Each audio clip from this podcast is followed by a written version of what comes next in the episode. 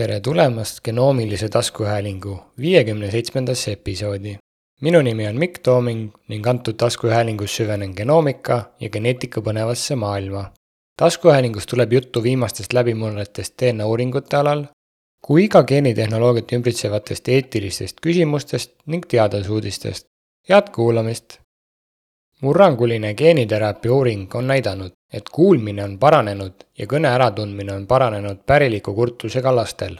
Hiinas koostöös Massai and Airy'ga läbi viidud uuringus raviti kuut last, kellel on DFNB üheksa, autosoomse retsessiivse kurtuse vorm, mida põhjustavad OTOF geeni mutatsioonid.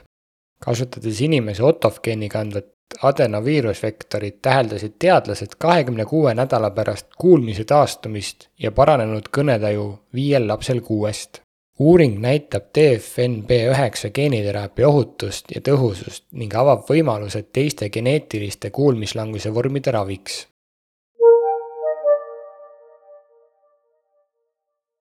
ülekaalulisus, mis on ülemaailmne epideemia, on seotud erinevate tervisehäiretega. Kuigi elustiilitegurid aitavad kaasa, leidsid San Diego California ülikooli teadlased, et rasvumine põhjustab rasvarakkudes mitokondriaalse talitlushäireid Nendel hiirtel tehtud uuring näitas, et kõrge rasvasisaldusega dieet viis mitokondrite killustumiseni, vähendades nende rasvapõletusvõimet. seda protsessi kontrollib üks võtmegeen nimega RAL-A, mille kustutamine kaitses hiire liigse kehakaalu tõusu eest. RAL-A rolli mõistmine rasvunud rasva ja energiakulu pärssimisel toob teadlased lähemale sihtotstarbeliste ravimeetodite väljatöötamisele, et lahendada kehakaalu tõusu ja sellega seotud ainevahetuse häireid.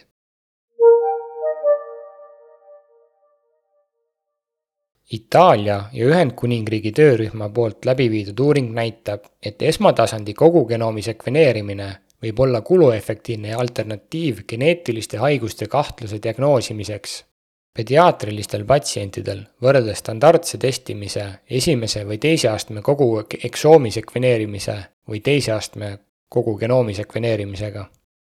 uuringus analüüsiti kaheksasaja seitsmekümnet pediaatrilist juhtumit, mis olid ajavahemikul kaks tuhat viisteist kuni kaks tuhat kakskümmend kaks kantud Rooma Bambino Jesu lastehaigla diagnoosimata patsientide programmi uurijad leidsid, et VGS võib olla kuluefektiivne alternatiiv tavapärastele testidele esimese või teise liini kogu eksoomi sekveneerimisel või teise liini kogu genoomi sekveneerimisel, arvestades diagnostilist saagikust ja kuluefektiivsust seoses kliiniliste tulemustega. Nad tegid ettepaneku, et VGS-i laialdasem kasutamine võib vähendada diagnostilisi viivitusi ja hõlbustada õigeaegset ravi uuringus rõhutatakse vajadust poliitiliste muudatuste järele, et VGS-i tõhusat kasutuselevõttu tervishoiusüsteemides oleks võimalik saavutada.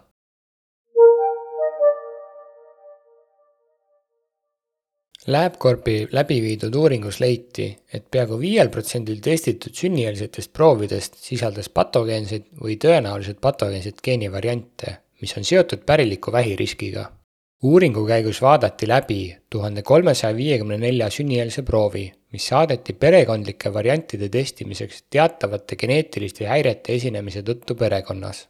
Uuring tõstatab eetilisi küsimusi loote vähiriskist teatamise kohta vanematele, kuna suunised on ebaselged selle kohta, millal ja kuidas see hindamine peaks toimuma. mõned erialaseltsid soovitavad lükata täiskasvanueelset testimist edasi, kui see ei mõjuta raseduse juhtimist samas kui teised soovitavad teatada juhuslikest leidudest, mis on seotud lapsepõlves esinevate haigustega. Uuringus leiti et, et neli koma kaheksa protsenti sünnieelsetest proovidest sisaldas patogeenseid variante kindlaks tehtud pärilike vähiriskidega geenides ja viisteist koma kuus protsenti lüsosomaalse ladestumise haiguse geenide variante. teadlased soovitavad, et suunised, milles kirjeldatakse geenid ja juhuslikud leiud, millest tuleb teatada sünnieelsetest geneetiliste testide aruannetes, võiksid aidata tagada asjakohase teabe levitamise vanematele.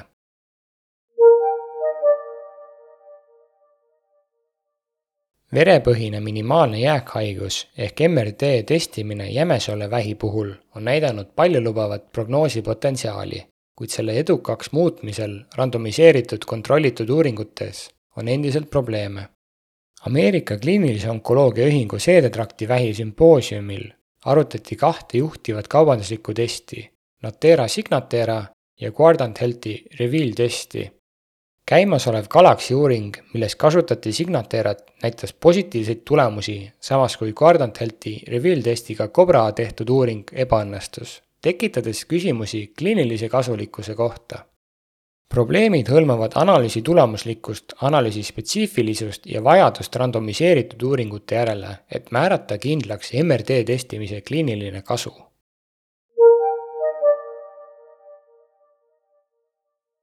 Hopi lastevähikeskus Saksamaal on algatanud konsortsiumi, mille eesmärk on parandada ülemaailmset juurdepääsu metüülimisel põhinevale kasvaja klassifikaatorile, et parandada lastevähi diagnoosimist programmi juhib lasteonkoloog Stefan Feister ja see hõlmab koostööd Saksamaa Vähiuuringute Keskuse, Heidelbergi Ülikooli haigla ja Illuminaga. Konsortsium pakub koolitust laboritele kogu maailmas ja rahalist toetust Saksamaa mittetulundusühingult Ein Herz für Kinder. maailma Terviseorganisatsioon on võtnud metüülimisel põhineva klassifikaatori, mis kasutab Illumina metüülimismassiive lastekasvajate klassifitseerimiseks programmi eesmärk on laiendada testimist ja teadmisi alaesindatud populatsioonides.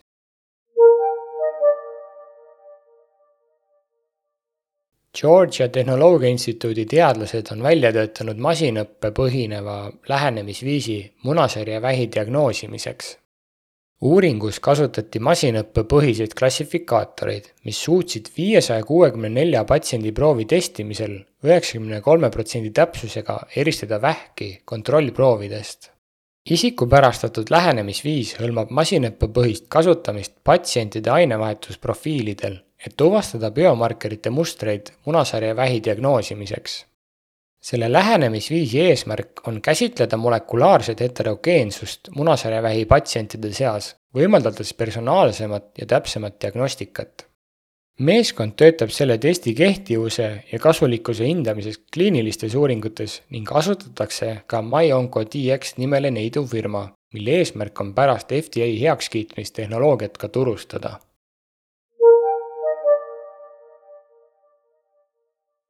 Ühendkuningriigi Terviseohutusamet on avalikustanud viieaastase kava genoomika integreerimiseks nakkushaiguste tõrjesse. strateegia keskendub vaktsiinidega ennetatavatele haigustele, uutele nakkustele ja antimikroobsusresistentsusele. eesmärk on arendada akrediteeritud genoomikateenuseid parema kliinilise ravi, kulutõhusa rahvatervise kasu ning infrastruktuuri ja teadmiste jagamise eesmärgil seitsme strateegilise eesmärgi hulka kuuluvad genoomiliste andmete kasutamine otsuste tegemiseks, diagnostika ja ravi parandamine, riikliku patogeenide genoomika sekveneerimise teenuse pakkumine, genoomika tööjõu ümberkujundamine, andmete jagamise edendamine, innovatsiooni edendamine ning tõhusate ja kulutasuvate teenuste loomine. Kreili teadlased on välja töötanud meetodi nimega tuumori metüülitud fraktsioon, lühendiga TMF, et määrata vereproovist vähikogus patsiendi organismis. TMF põhineb tsirkuleeriva rakuvaba DNA metüülimustrite hindamisel, et kvantifitseerida kasvaja koormust.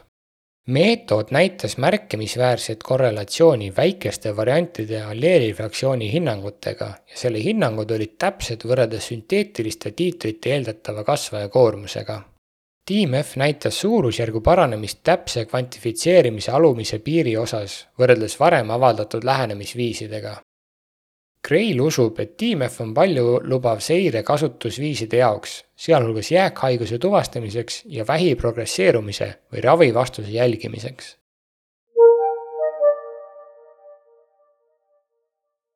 USA tervishoiu ja humanitaarministeeriumi peainspektori büroo on välistanud Terranose vangistatud tegevjuhi Elizabeth Holmesi osalemise föderaalsetes tervishoiuprogrammides kogu tema ülejäänud eluks. Holmes mõisteti kahe tuhande kahekümne kolmanda aasta mais üheteistkümneks aastaks vangi tema osalemise eest tervishoiupettuses, mis oli seotud Terranose laboratoorse testimise tehnoloogiat puudutavate valeandmete esitamisega väljaarvamist, mille seadusest tulenev miinimum on viis aastat, pikendati Holmesi puhul üheksakümne aastani raskendavate tegurite, sealhulgas pettuse kestuse, tema vanglakaristuse ja määratud hüvitussumma tõttu.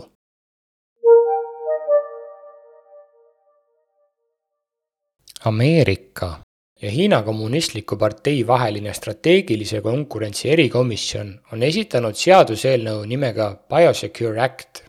Eelnõu eesmärk on keerata föderaalse rahastamise kasutamine välismaistele vaenulikele biotehnoloogiaettevõtetele, sealhulgas Hiina PGI Grupile.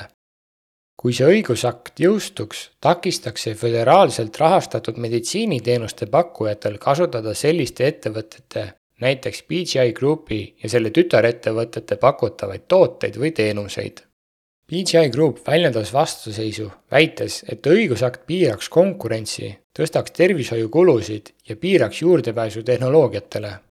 ettevõte rõhutas, et ta järgib andmekaitse eeskirju ja määrusi ning on eraomanduses, mitte Hiina valitsuse või sõjaväe kontrolli all PGI Genomics, mis on osa PGI Grupist, lisati kahe tuhande kahekümne teisel aastal USA kaitseministeeriumi musta nimekirja.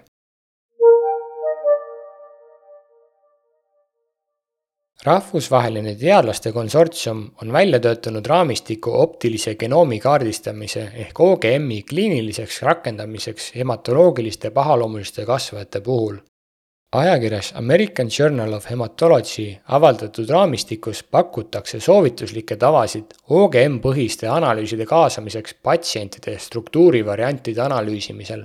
kahe tuhande kahekümne esimesel aastal moodustatud rahvusvahelise konsortsiumi International Consortium for Optical Genome Mapping in Hematologic Malignancies eesmärk on hõlbustada OGM testide rakendamise ja aruandluse ühtlustamist kogu maailmas raamistik keskendub valideerimisele, kvaliteedikontrollile ning analüüsile ja tõlgendamisele, andes praktilisi juhiseid laboritele, kes võtavad OGM-i kliiniliselt kasutusele, eelkõige mülooidsete haiguste puhul.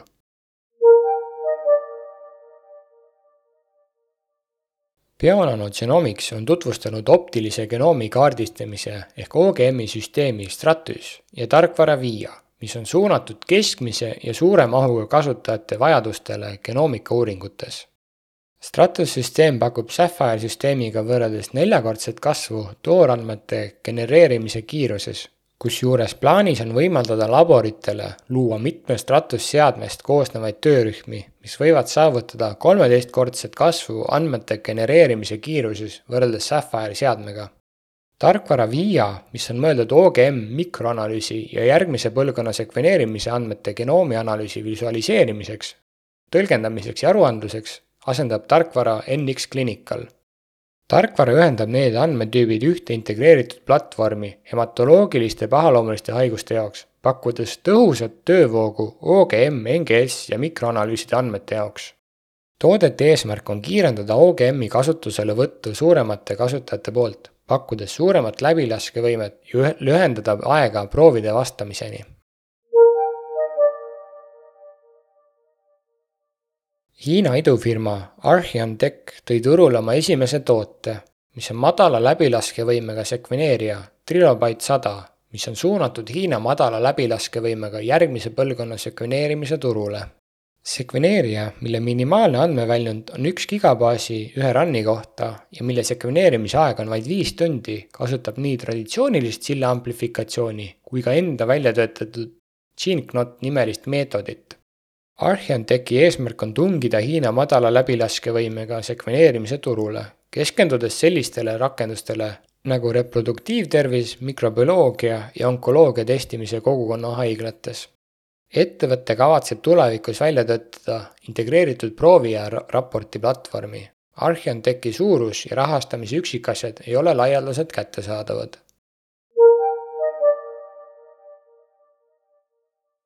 Kui märkasid nüüd huvitavat uudist, soovid genoomilise pusa osta või sul on küsimusi, saad mulle kirjutada genoomiline at gmail.com.